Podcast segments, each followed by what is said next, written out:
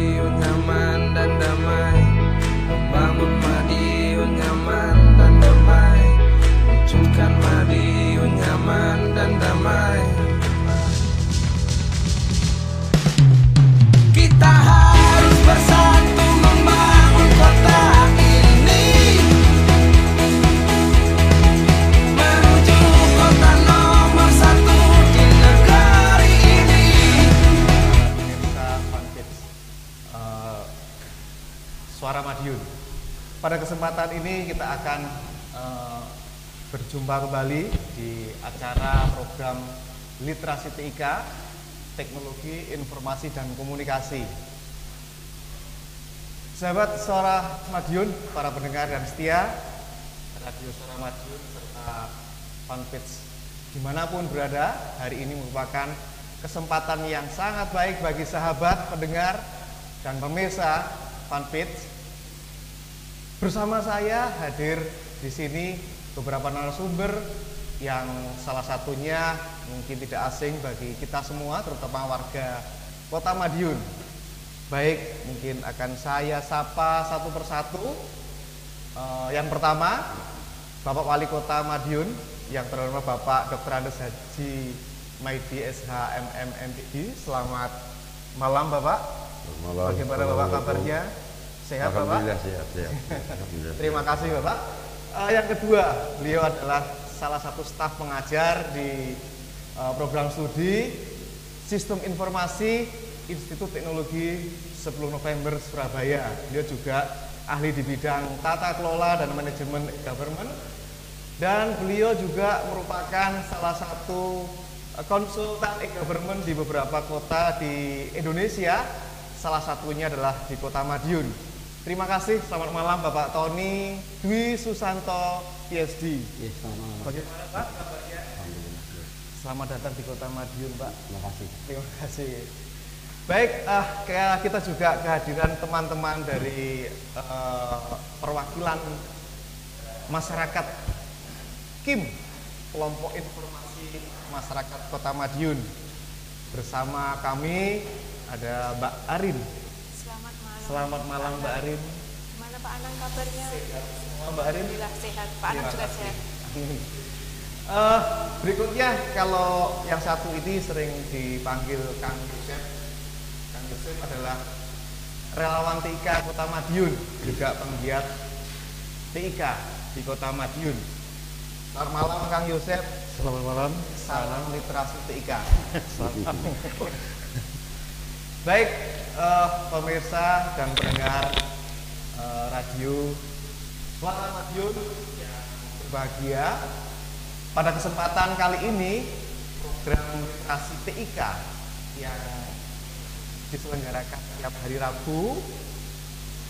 Pada kesempatan ini topik yang kita ambil sangat menarik sekali, terutama untuk kemajuan kota tercinta, kota Madiun.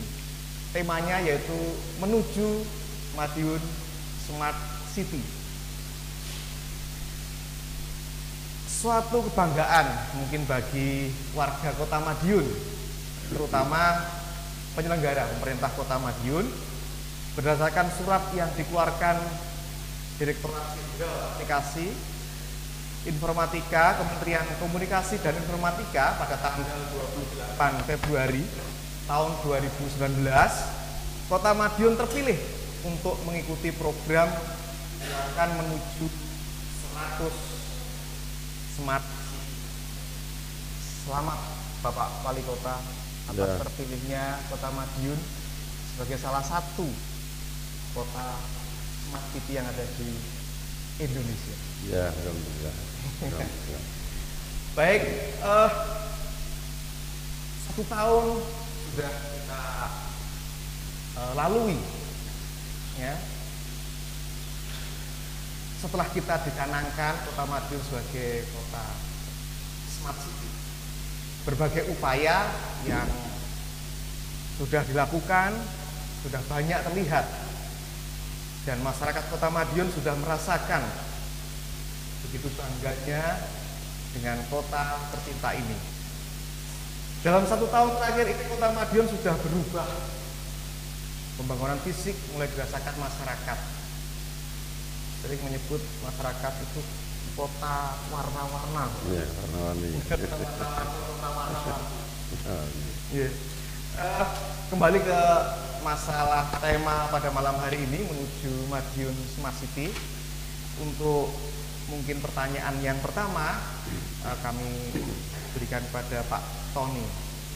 Pak Tony, eh, istilah Smart City, bagaimana kami kita kita me- menjelaskan kepada masyarakat secara sederhana apa sih smart city itu? Oke. Eh, makasih Mas Anang. Eh, izin Pak Wali. Ya. Jadi sebenarnya smart city eh, dalam bahasa Indonesia-nya kan kota cerdas ya. Eh, dalam definisi pahami terlalu susah. Tapi sebenarnya kata smart city itu eh, dalam bahasa yang sederhana itu bisa diartikan tiga hal. Pertama, smart city itu bisa diartikan sebagai eh, semangat dulu ya, semangat eh, tekad dari pimpinan daerah, gitu, pimpinan daerah, tekad dari stakeholder pemangku kepentingan kota itu untuk melakukan eh, peningkatan dalam hal pengelolaan dan pengembangan kota dengan cara inovasi dan teknologi. Jadi satu semangatnya dulu. Itu kenapa menjadi kata dan jargon smart city menjadi penting. Karena memang kita butuh itu. Jadi kalau ada orang yang misalnya eh, apa dia nggak suka, wah ini pakai jargon-jargon itu. Masalahnya dengan jargon smart city itu satu adalah semangat. Yang kedua, smart city itu diartikan sebagai proses. Artinya proses artinya berisi program-program dan aktivitas-aktivitas dari kota itu, pemerintah kota itu untuk membuat kualitas eh, hidup dari masyarakatnya lebih baik, lebih efisien operasional kotanya, gitu. kemudian lebih nyaman untuk ditinggali dan lebih sustain dan lebih bersaing dibandingkan kota lain. Di- ketika kita menyebut smart city sebagai proses, maka artinya apa? Artinya menjadi smart city itu tidak ada kata berhentinya. Artinya kalau nanti satu tahun, dua tahun, lima tahun, bahkan menurut saya misalnya nanti siapa pun pemimpinnya, itu smart city itu dia akan, iya, itu harus berkelanjutan karena ini proses. Dan yang ketiga, smart city bisa diartikan sebagai kata benda, kan biasanya gitu. Kata benda apa? Smart city adalah sebuah kota di mana dia itu inovatif. Ya, kata kuncinya nomor satu adalah tadi inovatif. Ya. Di mana dia inovatif, inovatif dalam hal apa?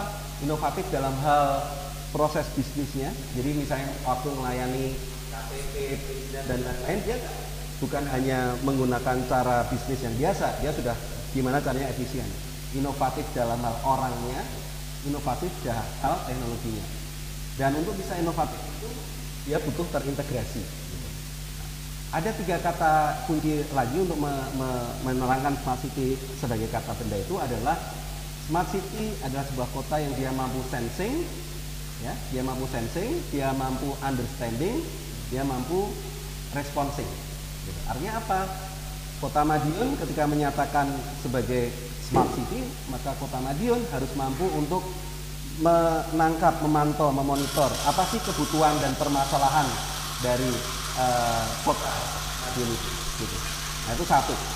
Yang kedua, sensing kemudian understanding. Understanding berarti bahwa kota Madiun begitu data-data sudah masuk, ya data-data tadi yang dikumpulkan oleh sensor, dikumpulkan oleh CCTV, dikumpulkan oleh data-data transaksi harian oleh OPD, OPD dan semua stakeholder termasuk tadi transportasi swasta negeri, wal- ataupun yang punya pemerintah tadi begitu masuk ke dalam big data nah itu kemudian kota itu mampu understanding. Understanding artinya dia mampu memahami kebutuhannya apa yang terjadi saat ini apa yang dibutuhkan mendatang ini dia responsing nah responsing itu bukan cuman dia paham aja tapi dia mampu merespon dengan cepat akurat dan antisipatif. Nah kata kuncinya antisipatif juga.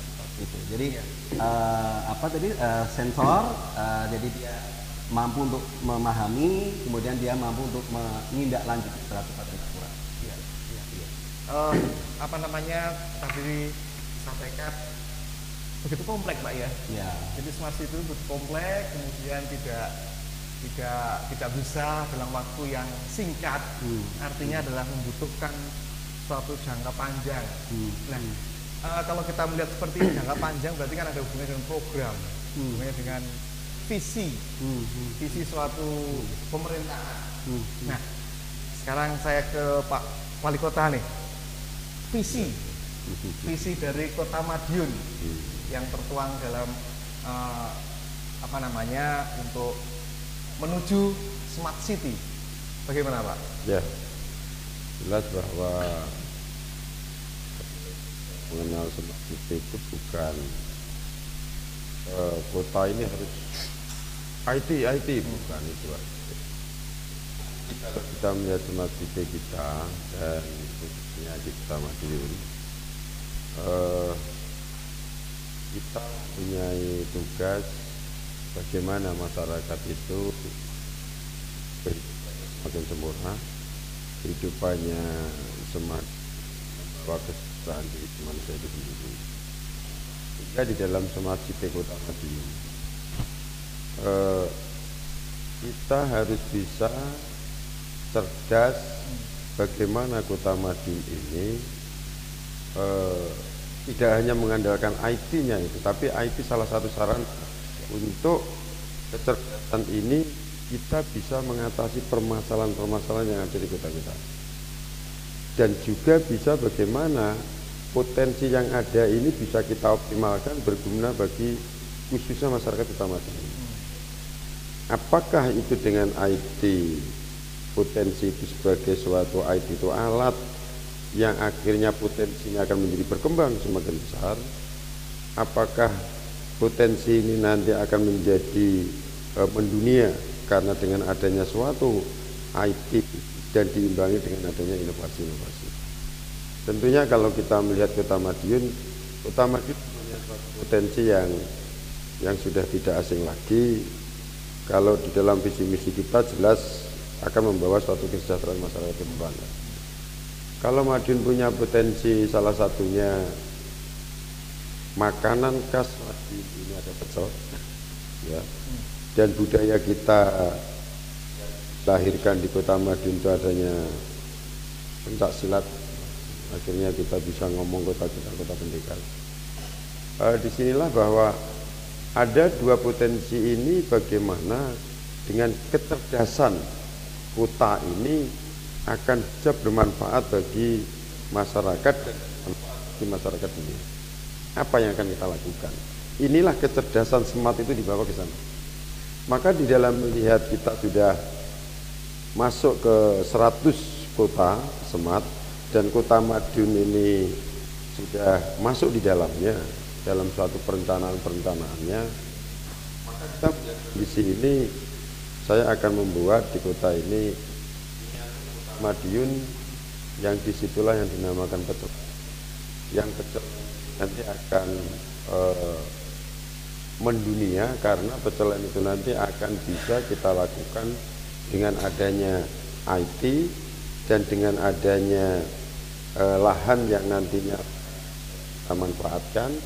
Dan itulah nanti e, sematnya itu yang ada di situ dengan kondisi-kondisi keadaan sekarang adanya perubahan-perubahan yang membawa suatu Baik.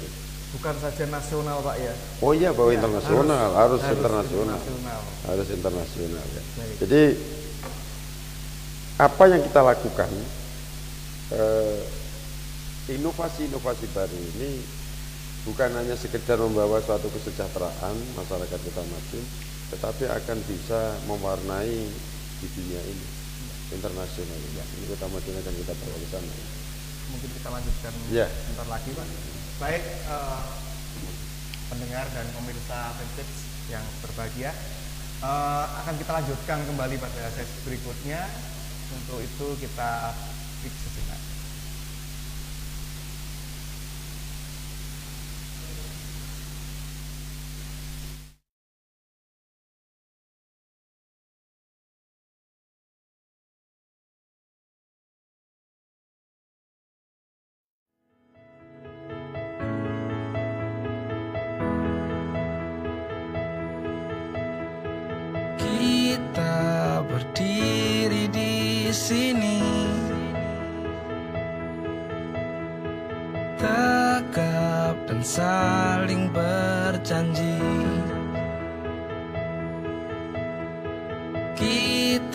akan terus menjaga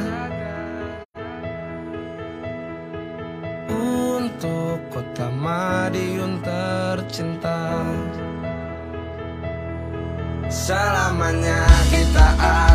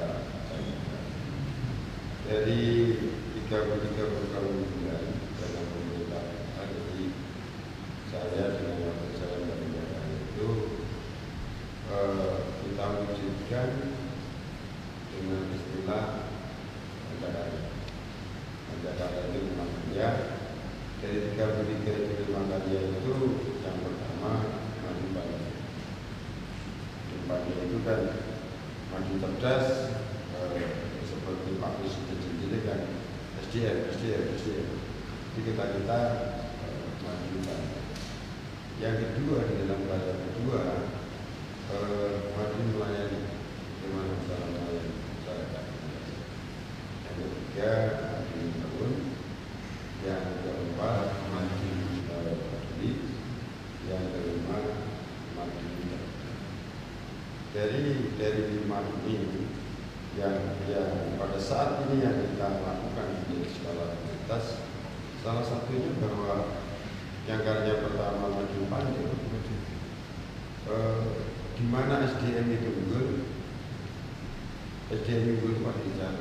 tapi tidak ini.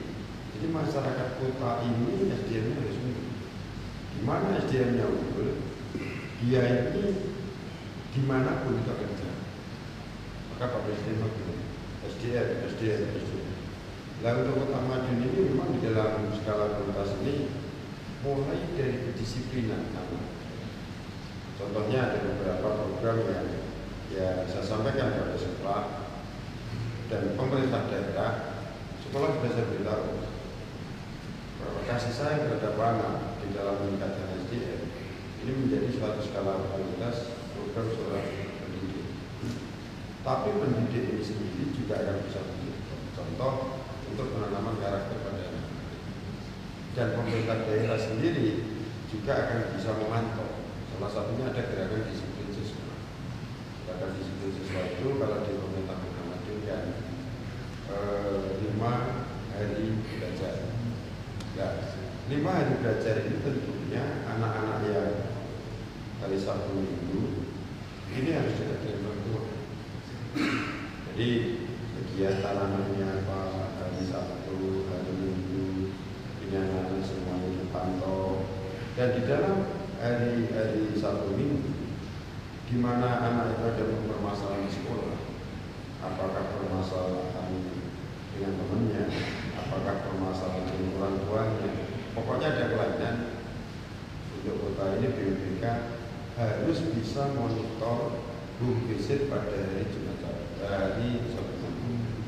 ini harus wajib Nah, setelah itu dari hasil home visit laporan pada kepala sekolah dinas harus laporan pada guru.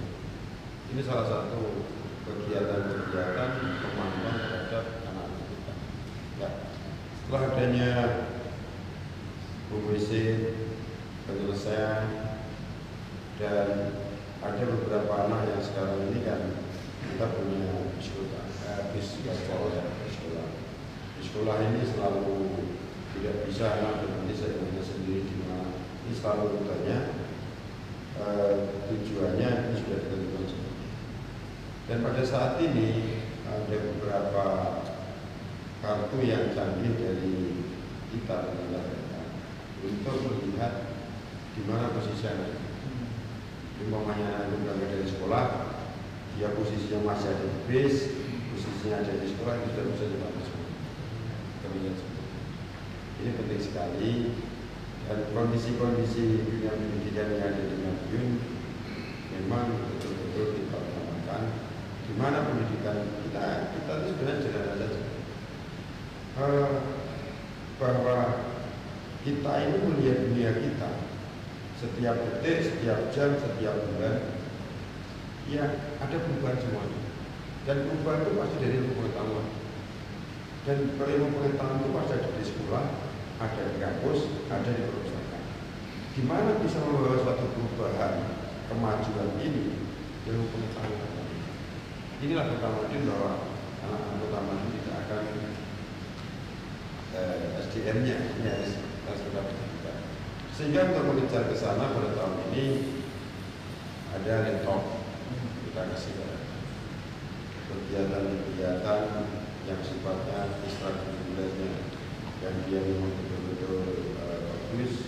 Dari satu minggu tanpa lupa Kondisi ini sudah kita lama eh, kita inginkan sehingga pemerintah daerah ini di mana ini bagus pasti akan dipercayakan. Dan jika kita di kota ini untuk melayani masyarakat, harapan kita bahwa kita dengan maksimal. Dengan maksimalnya ini bagaimana melayani ASN ini melayani tanpa korupsi. Kan dulu kan kalau melayani pokoknya harus minta ini ini ini sekarang. Kita memang betul-betul ASN kita terdidik, ASN kita dengan pola seperti ini. Alhamdulillah di dalam melayani tanpa korupsi ini eh, di dalam suatu penanggulangan korupsi kita mendapatkan penghargaan dari Wadah Muslim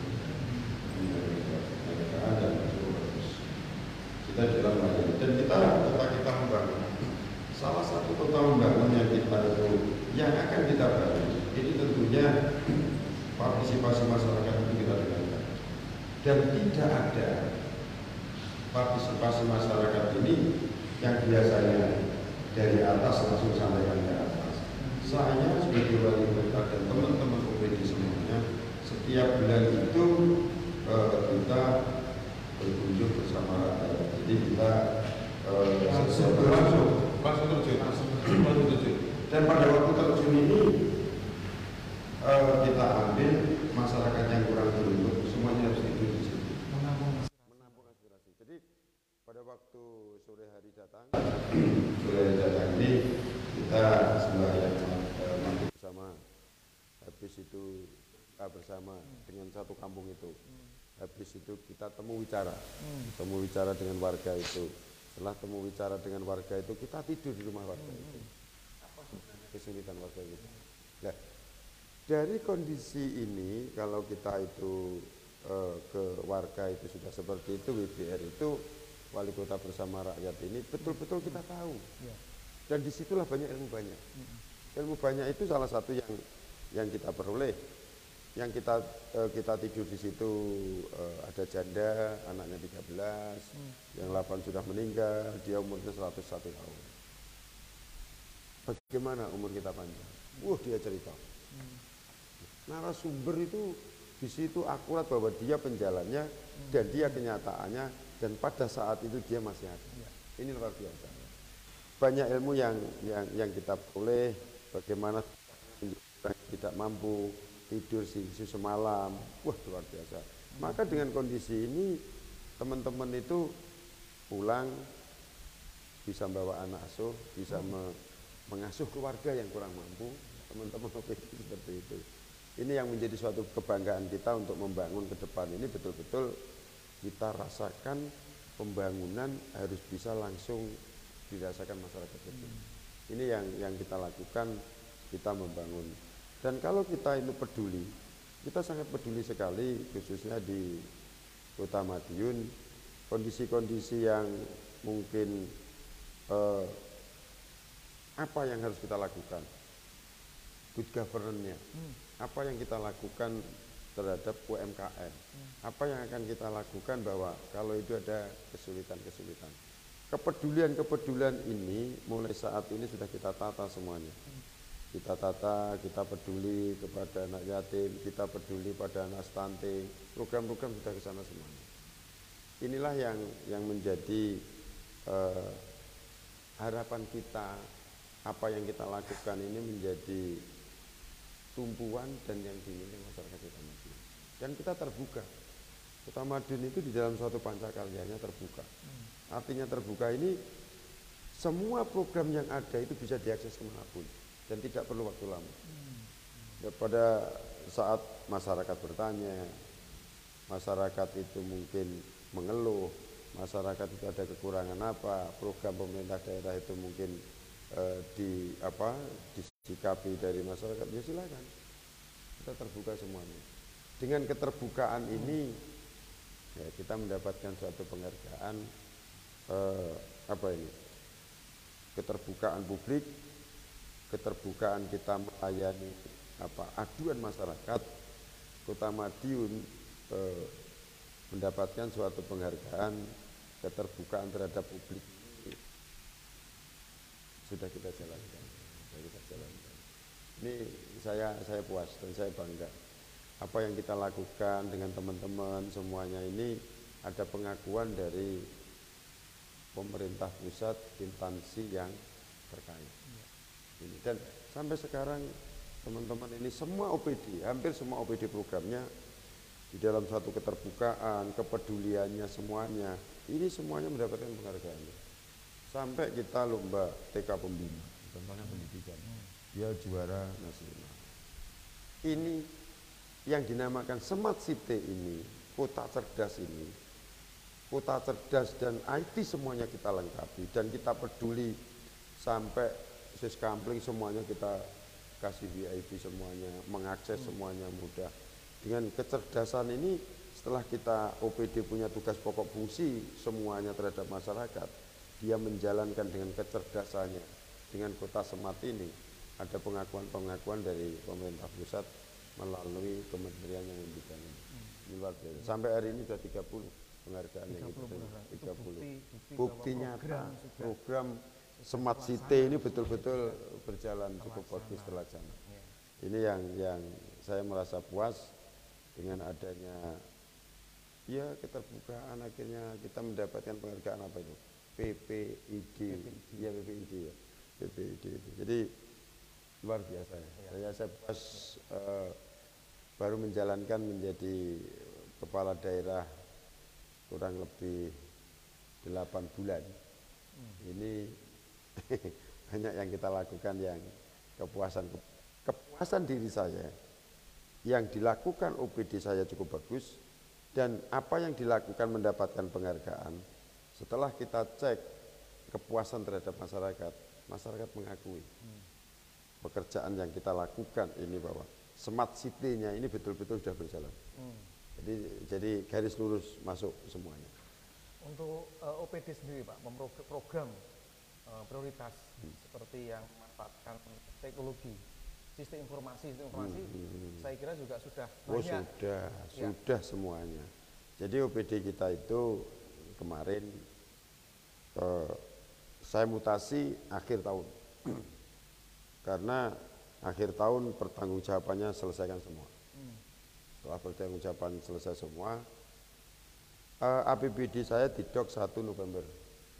1 November sudah didok tentunya OPD kemarin eh, perjanjian kerja saya tanda tangani saya serahkan. Di mana perjanjian kerja itu saya serahkan, kita punya kegiatan 985 kegiatan dari OPD itu. Dari 985 kegiatan, kegiatan itu berada di bulan apa, di minggu berapa, OPD mana yang menjadi siap semua diaplikasikan itu terpantau semuanya. Jadi apa yang kita lakukan besok itu sudah terpantau semuanya. Dan targetnya selesainya kapan ini sudah terpantau semua dan saya bisa memantau dari ruang saya. ya. Ruang saya itu saya pantau terus. Jadi kita kita lihat, kita lihat sejauh mana. Nah, kondisi inilah bahwa kalau kita punya 12 bulan, kita punya hari sekian, kita punya kegiatan sekian. Dari UPD ini mulai dari Januari sampai Desember, kegiatannya sekian itu sudah. Nah, di sinilah bahwa IT di dalam suatu smart ini dimanfaatkan program-program seperti itu. Dan dengan IT kecerdasan itu memudahkan kita memprogram.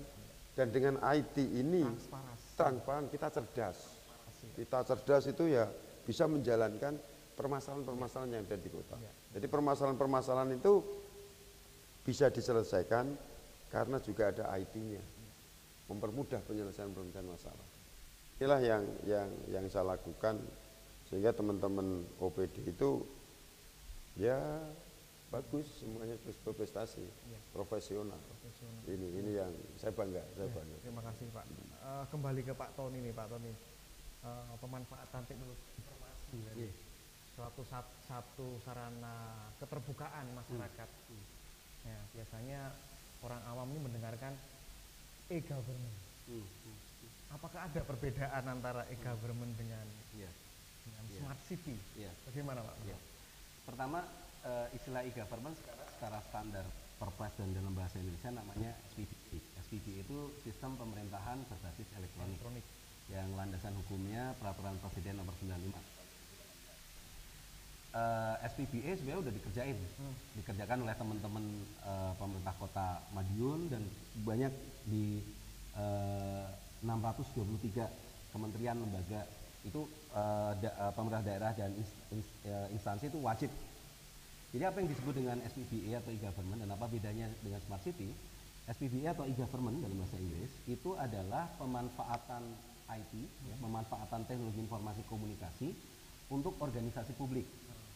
Jadi jadi kalau kayak pemerintah kota Madiun itu pakai IT, IT itu bisa macam-macam, termasuk dari internet sampai dengan telepon, sampai dengan mesin fax, sampai dengan WhatsApp, sampai dengan Facebook, media. Instagram, sosial media, televisi, itu TIK. Ketika udah pakai itu pada dasarnya udah disebut sebagai SPBE. Ya, SPBE. Jadi artinya yang disebut SPBE bukan cuma hardware-nya ya, bukan cuma hardware-nya, bukan cuma software aplikasinya, tapi termasuk layanannya, termasuk manajemennya. Jadi lingkupnya seperti itu. Lalu artinya apa? Kalau kita bicara SPPA berarti kita bicara eh, implementasi atau ses- eh, suatu layanan yang dia memanfaatkan IT, tapi lingkupnya adalah pemerintah kota. Pelaksananya adalah birokrasi, Birokrasi. dari birokrat aparatur dari pemerintah kota atau kabupaten tadi. Sementara kalau yang disebut dengan smart city itu kita bicara levelnya kota. Ya, itu lebih luas, ya ini kota. Jadi kota Madiun, bukan pemerintah kota Madiun, bukan. Bukan ya. Kalau pemerintah kota Madiun adalah Pak Wali dengan semua jajarannya. Itu. Ya. Ya. Kalau smart city kota Madiun ada Pak Wali, ada dengan jajarannya, tapi ada perbankan, ada swasta, UMKM, masyarakat, akademisi, media. Dan itu terintegrasi Dan itu iya kita bicara terintegrasi, kita bicara smart city smart city-nya. yang dalam eh, modelnya eh, Kominfo dia modelkan menjadi enam dimensi. Hmm. Jadi ada smart Ya. governance, ada smart branding, Ya. smart economy, smart living, smart society, sama smart environment. Ya. Nah bicara SPDA itu hanya satu dari enam tadi, jadi Ya. smart governance. Ya.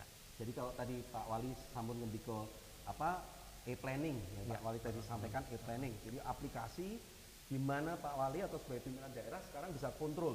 Hmm. Bisa. Kalau dulu model pemerintah dulu nunggu laporan, Ya. sekarang Pak Wali mboten. Iya, secara inisiatif, progresif, proaktif bisa langsung ngambil inisiatif. Oh ini kayaknya kalau saya biarkan ini bakalan rapotnya merah karena ngelihat trennya. Ya. Bahkan sistemnya kan bisa ngasih warning. Ya. Maka saya harus segera ambil tindakan. Kalau di kota lain mungkin ada GRMS, Government Resource Management System, e-planning, e-budgeting, eh, e-procurement, e-kinerja. Nah, itu semuanya itu namanya GRMS. Nah, itulah yang disebut dengan eh, apa? SPPA. Tapi begitu kita bicara smart city, kita bicara bagaimana membranding Kota Madiun. Kota Madiun. Kota Madiun. Nah, ini Kota Madiun oleh awali kan akan di branding ya branding besarnya kan nanti adalah branding. ya smart brandingnya kan nanti eh, kekuatan gerbong terdepan kalau dulu saya dari Pak Wali kan mengambil strategi gerbong terdepannya adalah pariwisata gerbong terdepannya Ya. brandingnya itu Brandingnya pariwisata. Iya, karena itu pun sudah terbukti. Sekarang babonnya income negara ini pun sudah ditetapkan Pak Jokowi itu babonnya salah satunya adalah pariwisata. Pariwisata. Karena pariwisata itu sudah di- disampaikan banyak pimpinan daerah. Kalau bangun infrastruktur pariwisata itu tahun depannya sudah bisa menikmati. Tapi kalau bangun pabrik itu mungkin masih nunggu 5 Lima tahun, tahun, 10 tahun. ya. Tapi kalau pariwisata ini akan membuat ekonomi itu berjalan. Ya. Gitu. Ekonomi berjalan. Gitu. Jadi artinya nanti pecelen jalan, pecelen itu akan menjadi sebuah apa? enabler sekaligus stimulus buat semua OPD inovat, inovasi. Inovasi. Ya. Jadi nanti Kota Madiun semua tempat adalah destinasi wisata. Oke. Semua dinas ada dinas pariwisata, semua OPD adalah R&D dari R&D Research and Development dari kota ini. Jadi semua inovasi harus muncul dari dari semua OPD dan Ya. itu bisa dilihat di pecelen. Hmm. Nah itu bisa dilihat. Jadi misi besar ini memang harus disupport. Ya. Eh, gitu. Nah, dan itu harus disupport oleh apa smart branding yang nanti akan bisa narik smart ekonomi, UMKM-nya akan terpengaruh ya karena tadi banyak wisatawan datang kemudian membeli semua ini Terbentuk ekosistem. terbentuk ekosistem, bayarnya juga pakai cashless, Iya. sehingga pembayaran itu bukan hanya di kota Madiun aja, dari kota dan Mana pun. negara lain pun dia akan bisa lihat, dia akan bisa beli produk itu. Lalu kemudian di situ eh, livingnya, jadi orang-orang juga akan nyaman karena tinggal di kota Madiun, semua dekat, nyaman, tambah orang pengen kembali hidup di kota Madiun. Kemudian society-nya orang-orang yang tadi kan kota Madiun sebagai kota pandai tadi, nah itu juga akan semakin pinter dan itu menggunakan tool-tool IT tadi. Kemudian finally itu tadi environment. Jadi jangan dilupakan nanti lingkungannya juga harus eh, apa sehat. Ya. Dengan branding tadi sebenarnya menarik kota Madiun adalah kota yang sehat, kota yang kuat, kota yang pandai. Apa itu sehatnya tadi makanan sehatnya pecel gitu ya. Kuatnya itu pencak silatnya. Ya. Pandainya itu loh kereta api terbesar di Indonesia. Ya. Jadi luar biasa sebenarnya Madiun sebagai jantungnya. Jawa Timur. Iya. Itu bedanya. Iya. Terima kasih semakin menarik dan semakin jelas bahwa konsep smart city Madiun yang akan di, di- dilaksanakan. Baik, eh, pendengar dan pemirsa fanpage yang berbahagia, eh, kita break sebentar. Nanti kita akan lanjutkan kembali pembicaraan pada malam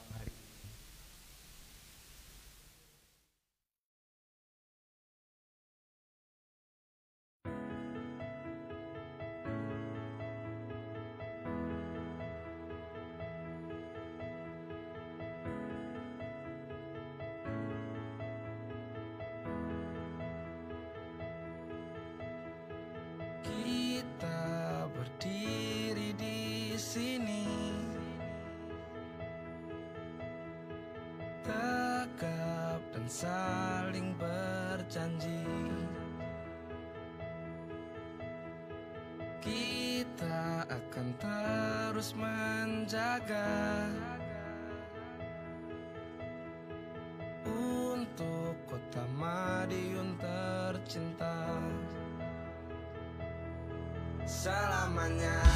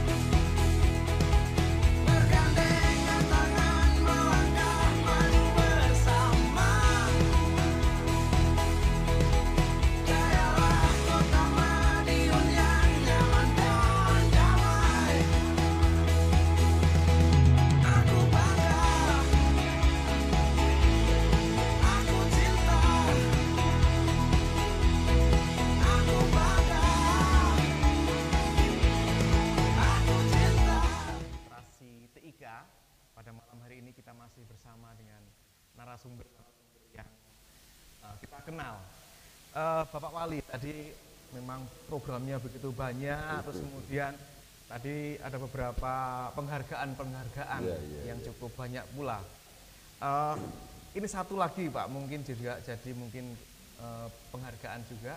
Itu salah satu program di LPPL eh, Ra- Ra- suara suara Madiun itu di mana program literasi TIK ini adalah mendapatkan eh, salah satu nominasi program acara penghargaan tingkat nasional Pak.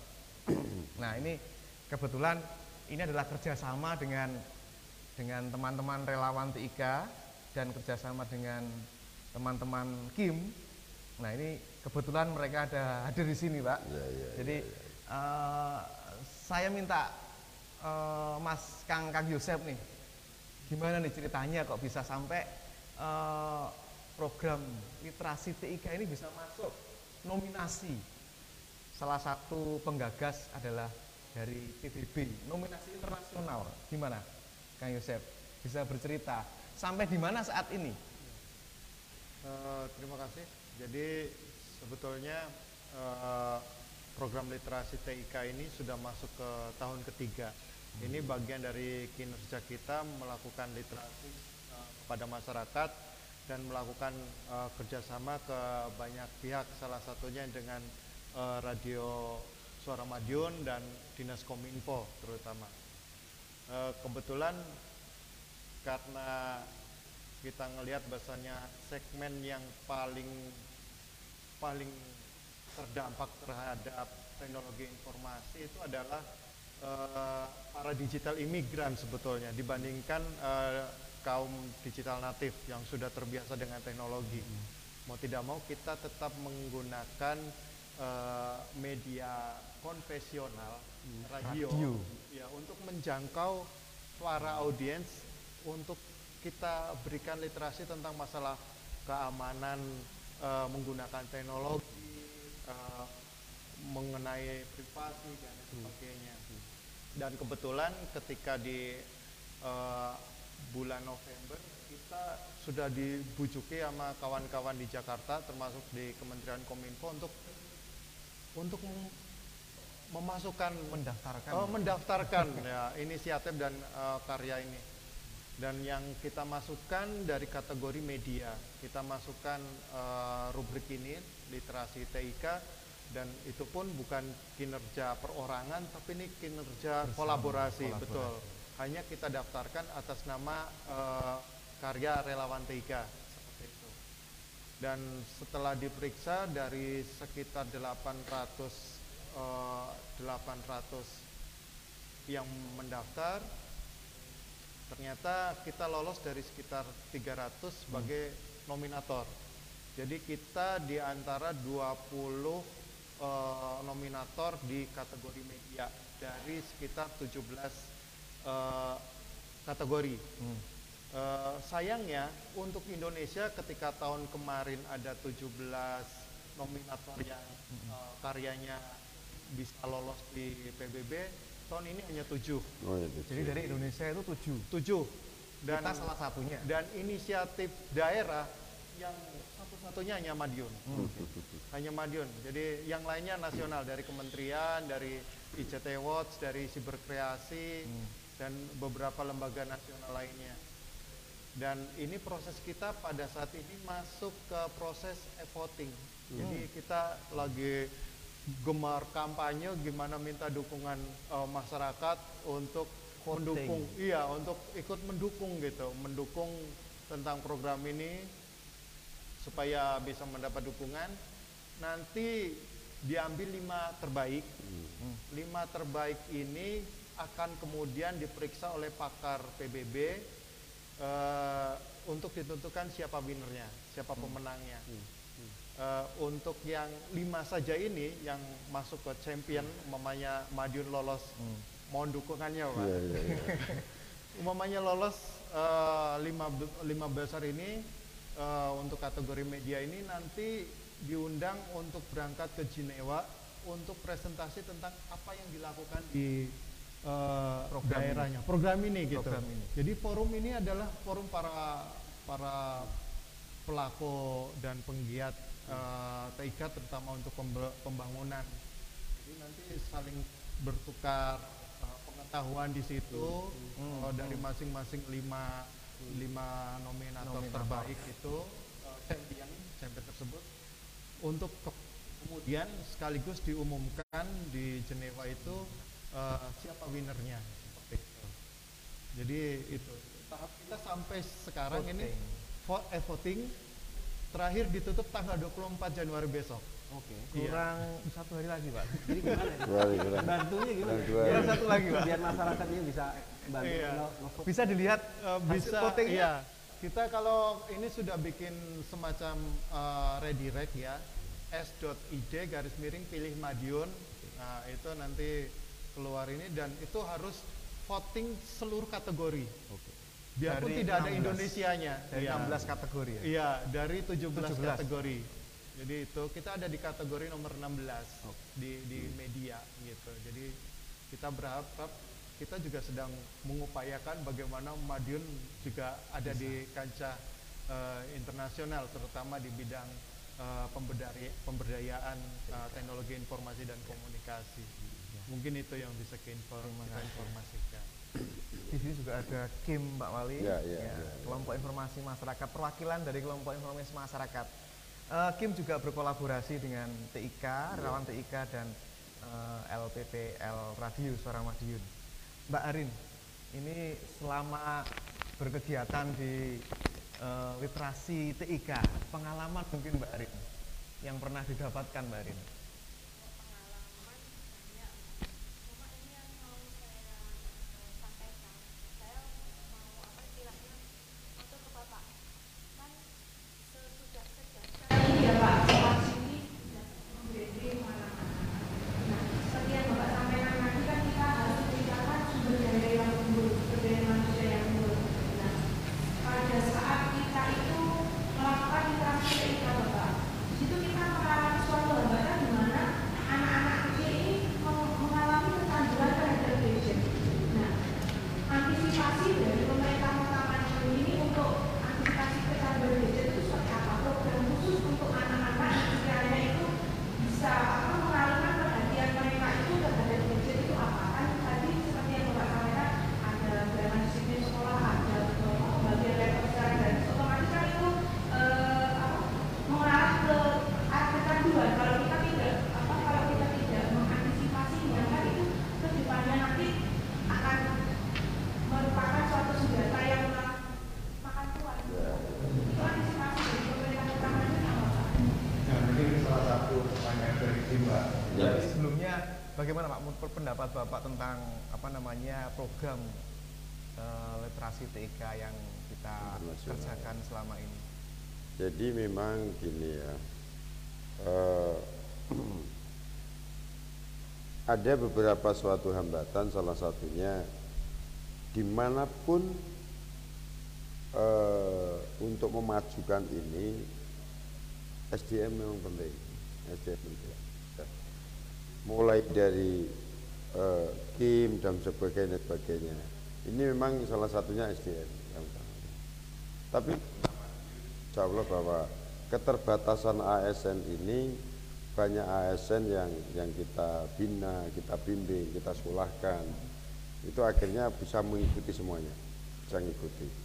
Dan dengan adanya tadi disampaikan eh, kita sudah masuk ke internasional, ya ini luar biasa.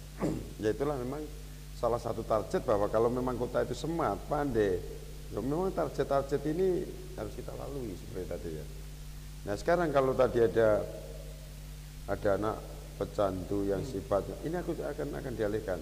Tadi sudah saya sampaikan dalam program ini Sabtu Minggu ada home visit, ada apa masalah apa. Nah setelah ada masalah-masalah ini tentunya IT salah satunya eh, laptop yang akan diberikan itu nanti sudah eh, kegiatan itu terprogram Ya. dan kegiatan-kegiatan terprogram itu nanti apa istilahnya rumah rumah belajar itu Rumah belajar. ya rumah belajar ya Rumah belajar. isinya itu sudah kita konekkan dengan apa Pusdiskom Jakarta Hmm. ya itu sudah kita konekkan ke sana sehingga anak-anak nanti yang yang yang sifatnya nyandu Hmm. yang sifatnya bukan mendidik ini nanti sudah dikendalikan oleh Bakti sendiri. Akan dikendalikan. Justru maniaknya anak ini maniak terhadap suatu laptop tapi laptop yang sudah terprogramkan dari pendidikan-pendidikan yang sudah ada di dalamnya. Ini sudah sudah sudah sudah kita bawa ke sana. Jadi penyanduan ini tinggal nanti kita alihkan kita alihkan, kita alihkan menuju ke sana. Nah, salah satu kegiatan-kegiatan yang yang sudah terprogram di sini, contoh umpamanya, sudah saya sampaikan di dalam isi di dalam. Seperti ini hari ini pagi hujan deras luar biasa. Hujan deras yang kira-kira kalau hujan deras ini anak harus masuk sekolah pasti kesulitan. Orang tua mengantarkan, kalau tidak naik bis, naik anggota yang sudah kita kontrak semuanya. Nah, Bapak Ibu guru yang nanti juga mendapatkan suatu laptop ini, dia pagi-pagi hujan sudah bisa connect kepada anak-anak.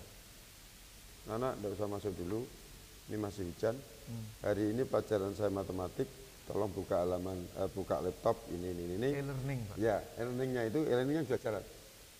Sudah jalan, setelah itu sudah jalan, selesai, sudah tidak hujan, silahkan ke sekolah, kita ketemu. Dan bagaimana IT ini justru mendekatkan permasalahan keluarga dengan anak. Salah satu contoh yang kita lihat, pada waktu keluarga itu punya gawe di Solo atau di, di Bandung, dia harus cuti satu minggu anak itu. Ya, dengan adanya IT yang yang sudah terprogramkan di dalam suatu laptop tadi, anak-anak bisa ke Bandung, kekeluargaan dengan keluarganya itu semakin dekat, dengan saudara-saudaranya dekat, dengan familinya dekat, tetapi tetap dia bisa Tetap belajar jarak jauh, pelajaran pelajaran dari guru dari guru yang Saat dia di Bandung saat ini. Nah ini, mengajar. nah, saat ini yang tidak adanya suatu IT, tidak adanya suatu laptop yang seperti itu, gimana anak itu diajak pergi, bapaknya, saudaranya mantu begini begini, itu pasti ditolak dan itu dihindari, anak tidak mau sosialisasi terhadap keakraban keluarga. Inilah yang kota ini betul-betul penyandu-penyandu yang kurang bagus ini kita arahkan menuju ke sana. Sekolah memantau BPBK-nya setiap Sabtu Minggu home visit. Hmm. Di mana ada permasalahan, selesaikan, laporan, tidak ada selesai, ini harus kita selesaikan bersama. Apa permasalahan yang ada? Kondisi ini menuju SDM Kota Pandai, Pandai. kota kita Kota Pandai, salah satu program. Kenapa Kota Pandai itu aja nomor satu? Hmm. Siapa pun yang pandai, siapa pun SDM-nya bagus, itulah yang akan menguasai. Ini. Ya. Ini ini ini ini komitmen saya. Siapa yang pandai, yang cerdas, SDM-nya unggul, dia akan menguasai. SDM. SDM intinya. itu. intinya SDM itu itu salah satunya hal seperti itu. Ya, kembali ke Pak Tony ini Pak. Iya. Eh, dalam program eh, 100 Smart City, Hmm. apakah itu ada penilaian tersendiri Pak? Hmm. Eh, terus kemudian kira-kira kalau ada penilaian, eh, kota Madiun itu ada ada semacam peringkat atau bagaimana Iya, Pak? iya. Kemarin yang luar biasa ya Pak Wali juga sudah mengetahui itu. Madiun mengikuti bukan batch yang pertama ya. Jadi tapi begitu masuk gitu ya, Madiun langsung masuk ke peringkat tiga. Itu luar biasa sekali. Saya saya juga anu Pak Wali dapat WA WA dari kota lain itu karena iya. komplain ini Madiun baru aja masuk kok tiba-tiba tiga gitu. Saya karena Pak Walinya nunggoni. ya, beliaunya nunggoni betul empat kali dua hari. Ya panjenengan tahulah ke dalam ini kan iya. kalau pimpinan eh, puncaknya itu komitmennya Komitmen, kuat, Pak. komitmennya kuat. eh, IT bagaimanapun juga itu alat, IT alat dan IT sifatnya top down, Ya. gitu. Jadi apa pun di, di budaya kita itu pemimpin akan menentukan. Hmm. Maka saya selalu menyampaikan bahwa smart city itu adalah mimpi dari pemimpin daerah. sebenarnya. nomor satu nomor itu. satu. Iya. Jadi kalau pemimpin daerahnya sendiri nggak punya mimpi mau apa dan dia itu dimulai dari OPD salah nggak akan kuat. gitu. Saya katakan tadi kota Madiun akan menjadi kota smart city eh, yang dia akan mampu sensing, mampu memantau kondisi apa pun, mau banjir, ada eh, keluarga miskin atau masalah apa pun dia sensing, dia understanding, dia memahami, lalu dia mampu responsing. Kuncinya di tiga sebenarnya, Pak. Kuncinya itu ada dok, tingkat dok gitu ya. Dok itu adalah D itu data, data. Di mana pun juga gimana kota eh, Madiun, Pak Wali dan jajarannya bisa paham kondisi kota kalau nggak ada data. ada data. Dan datanya ini harus data yang selalu eh, online, selalu up to date setiap saat. Ya. Data. Yang kedua adalah orang. Yang tadi yang disampaikan Pak Wali tadi. Di mana pun juga, the man behind the gun, orang di belakang tembak yang begitu canggih apa pun, itu jauh lebih penting daripada tembaknya. Jadi kalau orang bilang ini ada ada Pak Pos yang biasa naik sepeda, tiba-tiba ditanya sama sama orang, ini gimana cara ngirim pos biar cepet? Oh belikan aja Ninja gitu ya. Misalnya ini nggak nyebut merek, belikan yang Ninja 250 cc. Akhirnya dibelikan Ninja 250 cc. Dia lupa bahwa Pak Posnya dia tua biasanya naik sepeda. Begitu belikan Ninja lupa lambat aja. Lupa bahwa yang penting bukan ninjanya itu. Yang penting adalah orangnya, tadi gitu. Nah, itu juga sering terjadi di IT. Gimana nih? belikan aplikasi aja. Ini gimana nih? Ternyata Belikan SDM. eh, orangnya lupa investasi. Jadi kalau di dalam ilmu tata kelola tuh ada bahasa gini, it's ridiculous. Ini ini menggelikan. Sebuah organisasi perusahaan besar mau invest kepada alatnya, tetapi tidak mau invest terhadap orang yang mengambil keputusannya. Tidak mau invest pada orang yang menggunakan alat itu. Itu kan lucu gitu. Nah, jadi tadi o- orang sehingga investnya harus invest ke orang yang menggunakan semua alat di baik di jajaran birokrasi maupun di masyarakat.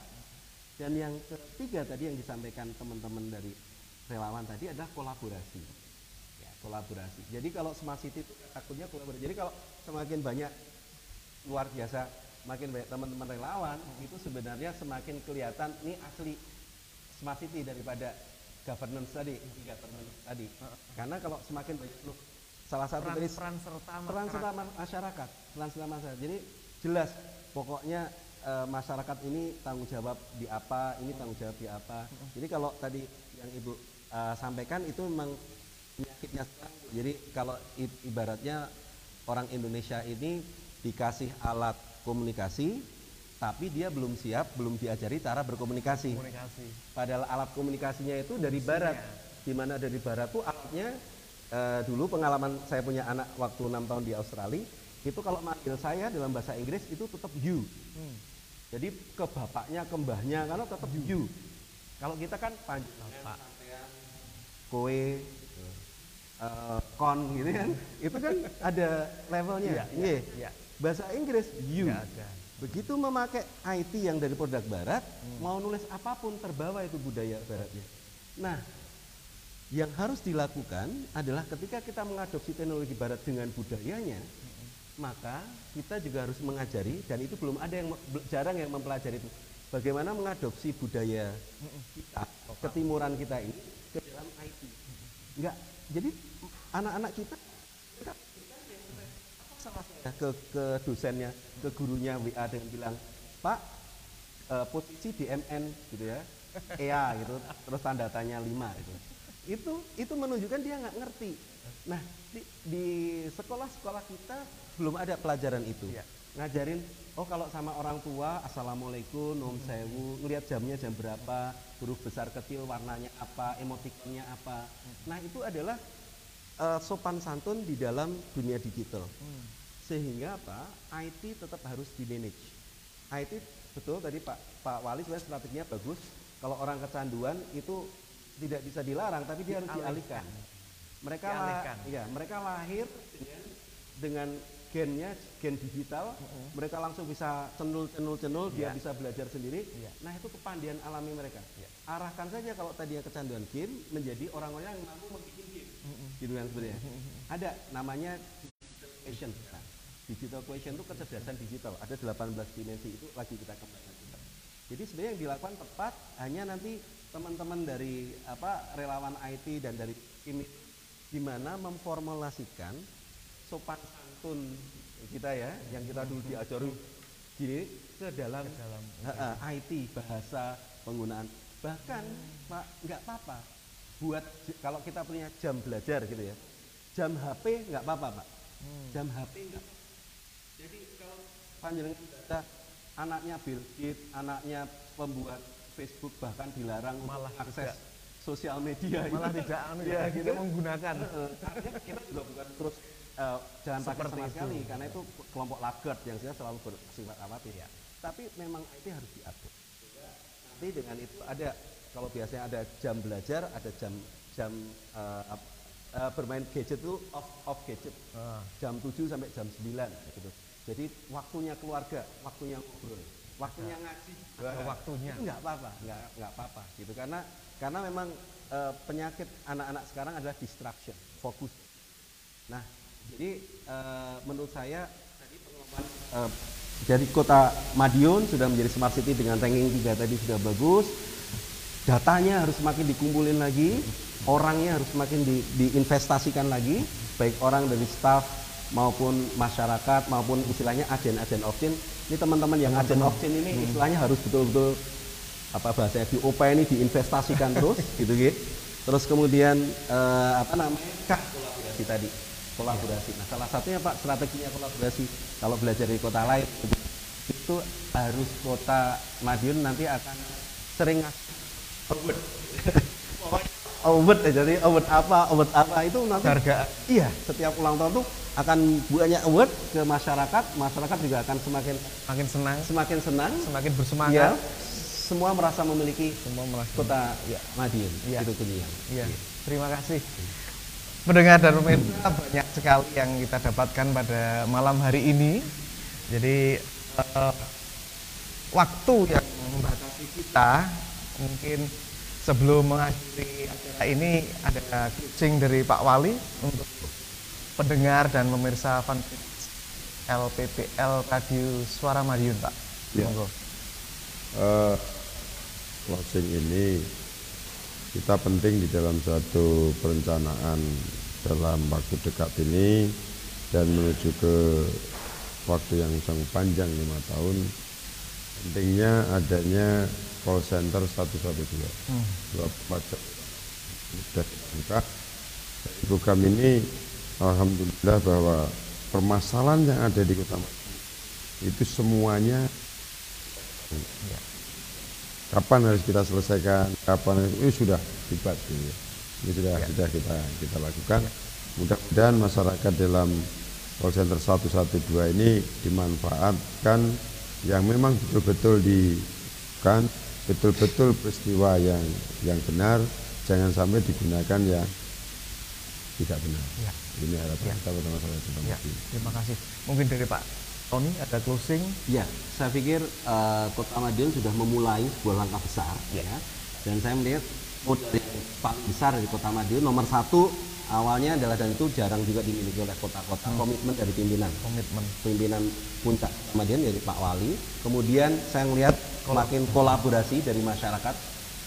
Saya yakin sebenarnya dengan Kota Madiun eh, menjadi jantungnya Jawa Timur tadi dengan eh, potensi eh, wisata, ya, makanan tadi dan dengan industri kerja tadi yang berupa kereta api itu adalah modal dan positionnya yang kuat. Ya. Hanya tinggal nanti eh, apa yang sudah dijalankan, apa yang sudah direncanakan di master plan smart city nanti disupport dan dialokasikan kolaborasinya seperti apa. Kemudian eh, selalu saja kita akan saling menghargai terhadap semua stakeholder yang sudah me- mendukung pencapaian itu. Bahwa inilah pencapaian bersama, inilah kota kota Madiun yang semakin cerdas dan penghargaan-penghargaan yang diterima itu sebenarnya sebuah bukti pengakuan dari pihak lain. Itu se- ada penghargaan jujur sebenarnya. Dan itu sebenarnya sebagai cermin kita juga. Gitu, bahwa, oh, alhamdulillah berarti ini on the track. Ya.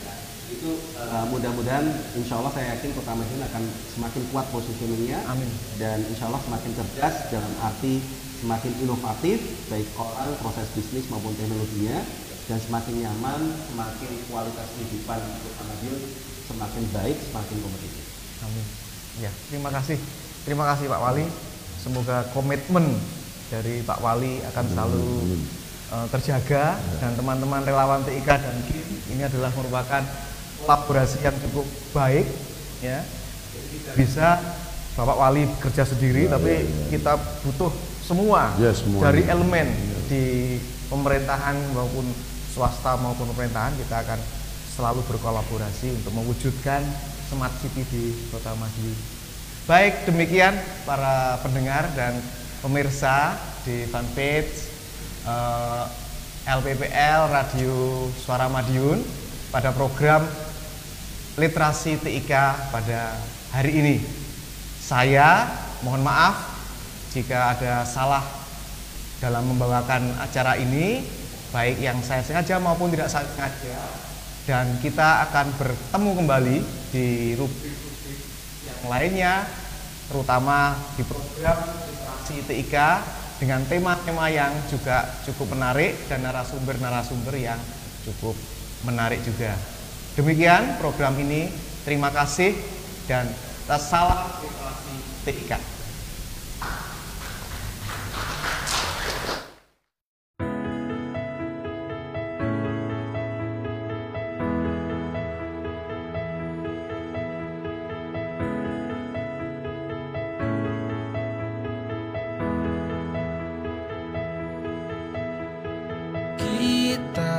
Berdiri di sini.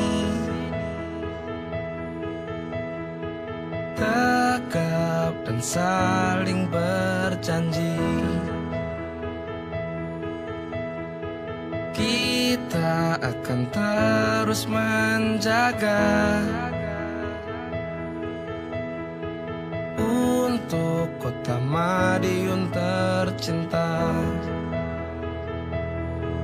Selamanya kita akan terus